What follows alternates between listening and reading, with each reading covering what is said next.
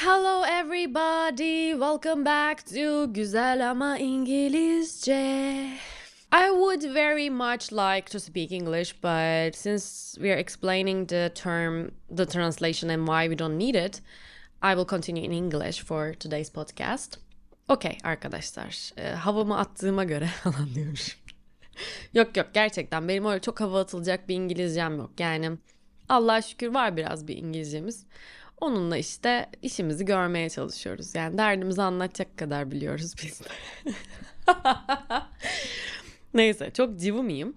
Bu bölüm aslında e, çeviriye ihtiyacın yok bölümünün devamını dinlemek isteyenler için. Yani hocam çeviri kullanmayacaksam ne yapacağım o zaman diyenler için çevirisiz nasıl öğreneceğim ben bu dili? Aslında her gün suratına baktığımız ama hiç halini hatrını sormadığımız insanlar gibi kaç araç var elimizin altında. Mesela Google görseller gibi ya da YouTube gibi ya da Youglish gibi. Direkt konuya girmek istiyorum. Geçen gün derste e, konuştuğumuz bir kelime vardı. Astonishment. Şimdi bu kelimeyi direkt alacağım ben. Google'a yazacağım. Direkt an be an yapalım bunu. Astonishment yazdım. Sonra buradan Google görselleri tıkladım. Mesela karşıma direkt böyle şaşırmış insan suratları çıktı. Yani astonishment'ı benim anlayabilmem için burada o kadar fazla görsel var ki yani hiç başka hiçbir şey yapmama gerek yok. Şimdi burada neden astonishment'ı alıp çeviriye yazıp hemen çevirisine bakmıyorum. Çünkü ben astonishment'ın ne olduğunu anlamak istiyorum. Türkçe'ye çevirmek istemiyorum. Bu ikisi arasındaki farkı artık anlamamız gerekiyor.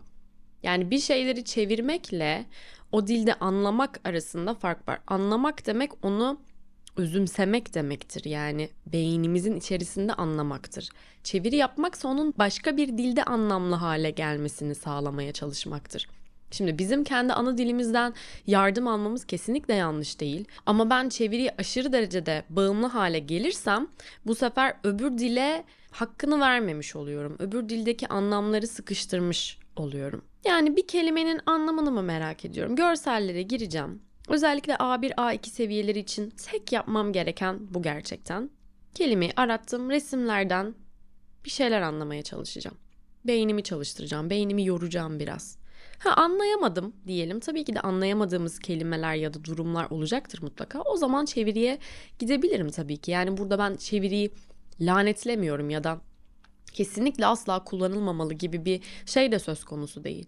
Sadece olabildiğince aza indirgemem gerekiyor. Birazcık beyin gücüme inanmam gerekiyor. Beynime şunu demem gerekiyor. Sen bunu başarabilirsin. Sen bu kelimeyi kendi ana dilini kullanmadan da anlayabilirsin. Çünkü biz hayatta var oluyoruz. Hepimizin deneyimleri var. Bu deneyimlerden yola çıkarak e, çok güzel bir şekilde anlayabiliriz o dili de. Bunu güvenmemiz gerekiyor ve Google görseller bunun için mükemmel bir kaynak. Ama hocam bu çok zaman alır ya gibi bir itiraza gelebilirsiniz. Ama bence çeviriye bakmak da çok zaman alıyor ve bir karşılığı yok.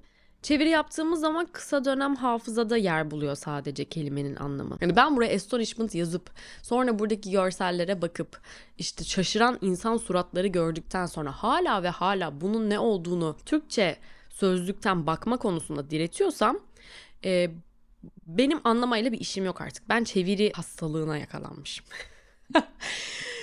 Yeni bir hastalık türü çıktı. Çeviri hastalığı ve bu gerçek bu arada. Çeviri olmadan eli ayağı titriyor hocam. Hocam bunun anlamı ne hocam? Hocam bunun çevirisi ne? Türkçe'de bunun karşılığı ne? Onu bilmesi gerekiyor yani öğrencinin. Ee, bunu aşmamız gerekiyor. Yoksa e, gerçekten sürekli Türkçe'ye bağımlı hale gelirsek bu bizim konuşmamızdaki akıcılığımızı vesaire yani ilerleyen seviyelerde B1'de B2'de bizim çok ayağımıza çelme çakacaktır. Çeviriyi ne kadar erken bırakırsak o e, güzel algıya, o İngilizce algısına, o değişmiş bakış açısına o kadar e, hızlı bir şekilde dahil olabiliriz. Google görselleri kullanacağım. Cici cici öğreneceğim ben dilimi. Yani yeni metodlar deneyin. Bunca zaman 10 kere yazma denediniz, 20 kere yazma denediniz, çeviri kullandınız olmadı. Bir de bu, bu yöntemi deneyin bakalım. Çeviriyi bırakıp resimlerle çalışmayı, videolarla çalışmayı deneyin. Bu birinci tekniğimdi. Yani Google görsellere girdim, kelimeyi yazdım ve karşıma çıkan resimlerden bir anlam çıkarmaya çalışacağım. Yazılı görmektense görsel hafızamızı harekete geçirmek e, her zaman daha uzun süre hafızamızda kalmasına yardımcı olur kelimelerin. Tabii ki de bazı insanların görsel hafızası diğerlerine göre daha zayıftır ama ben burada size zaten sadece görsellere girin ve orada takılı kalın demiyorum. Görsellere girin, buradan anlamını anlayın. Sonra alın elinize kalemi, onunla cümle kurun. Bir diğer teknik ise yine Google Görseller gibi her zaman elimin altında olan araç YouTube. Ve son dönemlerde YouTube'da son birkaç yıldır YouTube Shorts diye bir e, artık sekmesi var, bir kısmı var. Burada kısa kısa videolar izleyebiliyoruz sanki Instagram hikayesi izliyormuşuz gibi. Ve bu yani mükemmel bir kaynak. Hemen YouTube'a giriyorum şu anda ve şey yazacağım. Aklıma ilk gelen kelime apricot. Evet. Bu çok eğlenceli bir yol aslında. Yani YouTube e, izlerken çünkü hem bilmiyorum ben bir şeyler izlemeyi çok severim. Ee, yani okumaktan çok daha keyifli. Artık bir de hepimiz de böyle sürekli bir şeyleri izlemeye, telefonlarda vakit geçirmeye alıştığımız için gerçekten izlemek, öğrenmek için şu anda bir numaralı yollardan bir tanesi ki okumaya da çok önem veriyorum. Orası ayrı ama gerçekten başlangıç seviyeleri için A1, A2 için izleme, dinleme acayip önemli. Bu videoları izlerken aynı zamanda telaffuz da duymuş oluyorum. Yani gerçekten bal dök yala bu metodu. Bir de bunun üzerine işte kendim cümle kurmaya çalışırsam daha yani ben ne isteyebilirim dil öğreniminden? Daha ne yapabilirim yani bir dil için bilmiyorum. Şimdi şu aprikot örneğine de bakalım. Mesela aprikotu yazdım.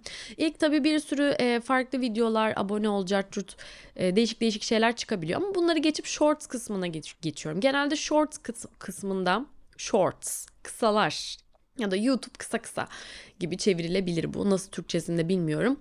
Ee, burada mesela direkt karşıma bir sürü kayısı çıktı. Kayısı kelimesini aradan çıkartıyorsun sen. Türkçeyi aradan çıkartmış oluyorsun. Direkt apricot diyorsun ve resmini görüyorsun ve voila. YouTube Shorts'u da kesinlikle deneyimlemelisiniz. Her zaman işe yaramayabilir tabii ki. Mesela şu an apricot'tan başka bir şey. Talk gibi bir fiil yazalım. Aşağı iniyorum, shorts'a indim. Mesela hiçbir işime yaramadı. Saçma sapan şeyler çıktı burada. Çocuk şeyleri, talk yazdık. Kim bunlar bilmiyorum. Bir fareler, kediler bir şeyler çıktı. Mesela işe yaramadı. O zaman ben de alırım başımı Google görsellere giderim. Alırım başımı. Mesela talk yazdım. Burada böyle bir grup insan çıktı birbiriyle konuşan. Yine bir grup insan çıktı birbirleri konuşuyorlar. Ha, Google görseller elimden tuttu. Biri elimden tutmazsa diğeri mutlaka elimden tutacaktır. Google görseller ve YouTube Shorts. Ee, peki tamam hadi A1 A2'de Google görselleri ve YouTube'u yoğun olarak kullandım. Zaten bu tarz metodlarla başlangıç seviyelerini atlatan arkadaşlar B1'de çok rahat yol alacaklar. Emin olabilirsiniz. Peki ileri seviyeler ne yapacaklar? Yani B1, B2, C1 vesaire ne yapacak? Ee, ileri seviyenin zaten Türkçe ile işi yok. İleri seviye açacak Oxford'unu, Cambridge'ini. Paşalar gibi İngilizce İngilizce sözlük karıştıracak. İleri seviye adamın yapacağı iş budur. Şimdi bir tane daha tool önereceğim. O da Youglish. E, Youglish'i hem A1, A2 için hem de B1, B2 için ileri seviyeler için her seviye kullansın bunu yani. Şimdi peki farklı seviyeler bundan nasıl yararlanacaklar?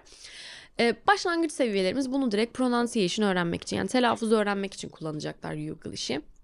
Giriyorum Youglish'e herhangi bir şey yapıyorum yazıyorum. Mesela island yazdım. Karşıma burada island kelimesinin geçtiği bütün YouTube videoları çıkıyor. Yani hepsi çıkıyor mu bilmiyorum da 51 bin tane çıktı yani şimdi burada. Farklı telaffuzlar duyuyorsunuz. Island nerelerde kullanılıyormuş? Island kelimesi hangi kontekstlerde kullanılıyormuş? Nasıl telaffuz ediyormuş? İngilizce nasıl telaffuz ediyormuş, Hintlisi nasıl telaffuz ediyormuş. Videoları geçtikçe çok farklı değişik videolara da denk geliyorsunuz. Ben yani Youglish'e bayılıyorum. A1, A2 e, telaffuz için kullanacak bunu. Ama ileriki seviyeler bunu açacaklar. Çok güzel bir sözlük burası aslında arkadaşlar. Çünkü tabii bazen anlayamadığımız durumlar oluyor ama birçok kelime için işinize yarıyor. Altta da zaten e, insanların konuştukları şeyi an be an yani görebiliyorsunuz cümleleri. Buradan takip edip anlamaya çalışıp konteksten çıkarmaya çalıştığınız zaman şunu fark edeceksiniz. Mesela konuşurma, konuşurken birden aklınız ağzınızdan o kelime çıkıverecek ama o kelimeyi siz oturup çalışmamış olacaksınız bile. Nereden öğrendiğinizi bile hatırlamıyor olacaksınız. Yani bu mucizeye şahit olabilirsiniz. bu pirinci yutarsan İngilizceyi çok kısa bir vadede öğrenebilirsin evlat. Bu pirinç dediğimiz Yuglish. Valla çok kısa bir vadede de öğrenilmiyor yani şimdi. Ee, vadede de. Vadede de. Beş kere hızlı söyleyeyim bunu. Vadede vadede. Say that five, five times fast. Yani e, gerçekçi konuşalım. Şimdi Türkiye'de yaşıyoruz. İngilizceyi böyle şakkır şukkur konuşabileceğimiz bir ortamımız yok. Konuşacak ortamımız olsa bile e, konuşan kişiler Türkler oldukları için yine çok bir gelişim sağlayamıyoruz. Çünkü birçok insan İngilizceyi Türkçe gibi konuşuyor ve birçok şeyi yanlış yerleştiriyoruz cümle içine.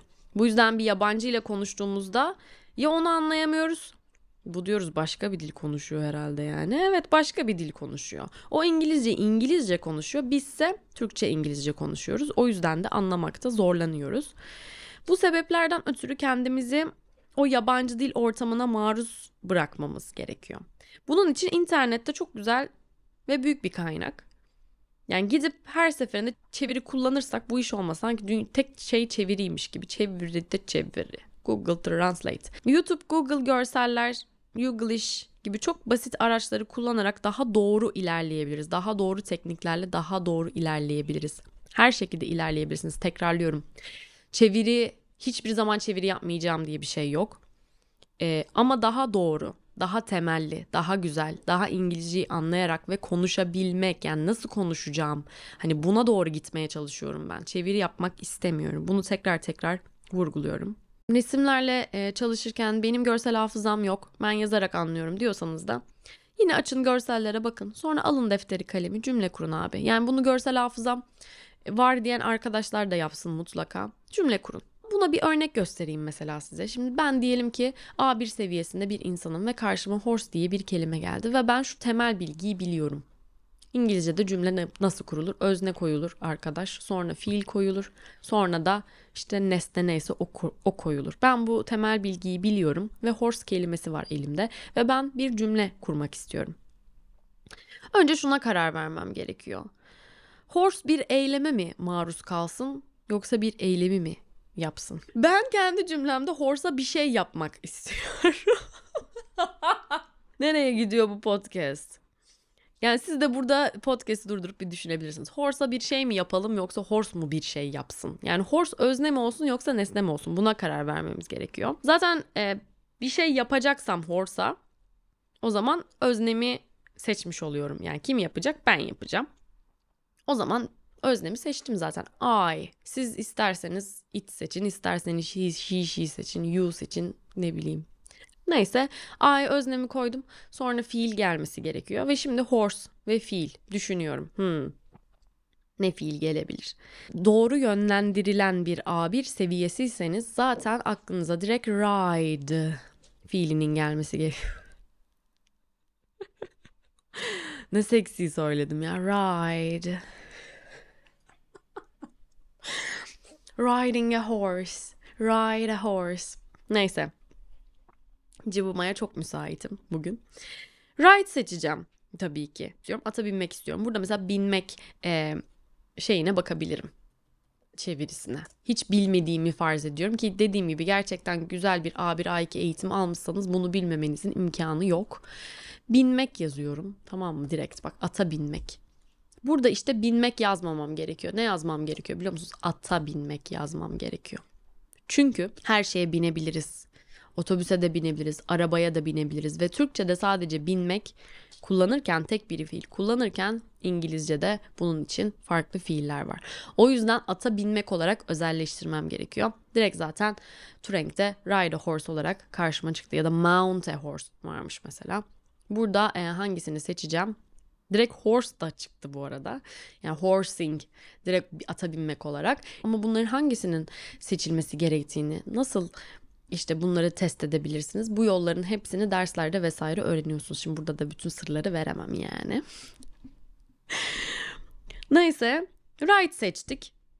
Ondan sonra diyorum ki I ride işte sonra da zaten ne burada da görmüştük ride a horse. Sonra da nesneyi getiriyorum. I ride a horse. İşte bitti cümle. Şimdi ne demek peki bu I ride a horse? E bilmiyorum yani artık ne demekse demek. Yavaş yavaş artık bu bölümün sonuna gelirken biraz daha böyle at resimlerine bakıp e, bir şeyler öğrenmeye çalışacağım buralardan. Çünkü gerçekten çok eğlenceli buluyorum. İnternette surf yapmak vardı bizim zamanımızda. Gerçekten vardı bu arada internette surf yapmak ve benim çok sevdiğim bir aslında eylemdi bu. Hala da çok severim internete girip böyle bir sürü web sitesine girip orayı buraya karıştırmayı. Ve artık bu e, kavram biraz öldü çünkü insanlar genelde uygulamalarda takılıyorlar. Her şey uygulamalara döndü. Uygulama indiriyoruz ve Orada ne veriyorlarsa onu alıyoruz. Google'ı kullanmayı falan unuttuk yani. Şimdi burada dolaşırken bir de ne gördüm biliyor musunuz? Feed your horse like a horse. Yani diyor ki bize atınızı at gibi besleyin. Ya vay be tavsiye gibi tavsiye işte bu be. Yani adamlar bile atınızı at gibi besleyin diyor. Lütfen biz de artık şu İngilizce İngilizce gibi öğrenelim. Türkçeden İngilizce öğrenmeye çalışmayalım. Feed your horse like a horse. Learn English like English. See you guys and take care of yourselves. And don't forget to love English and other languages too.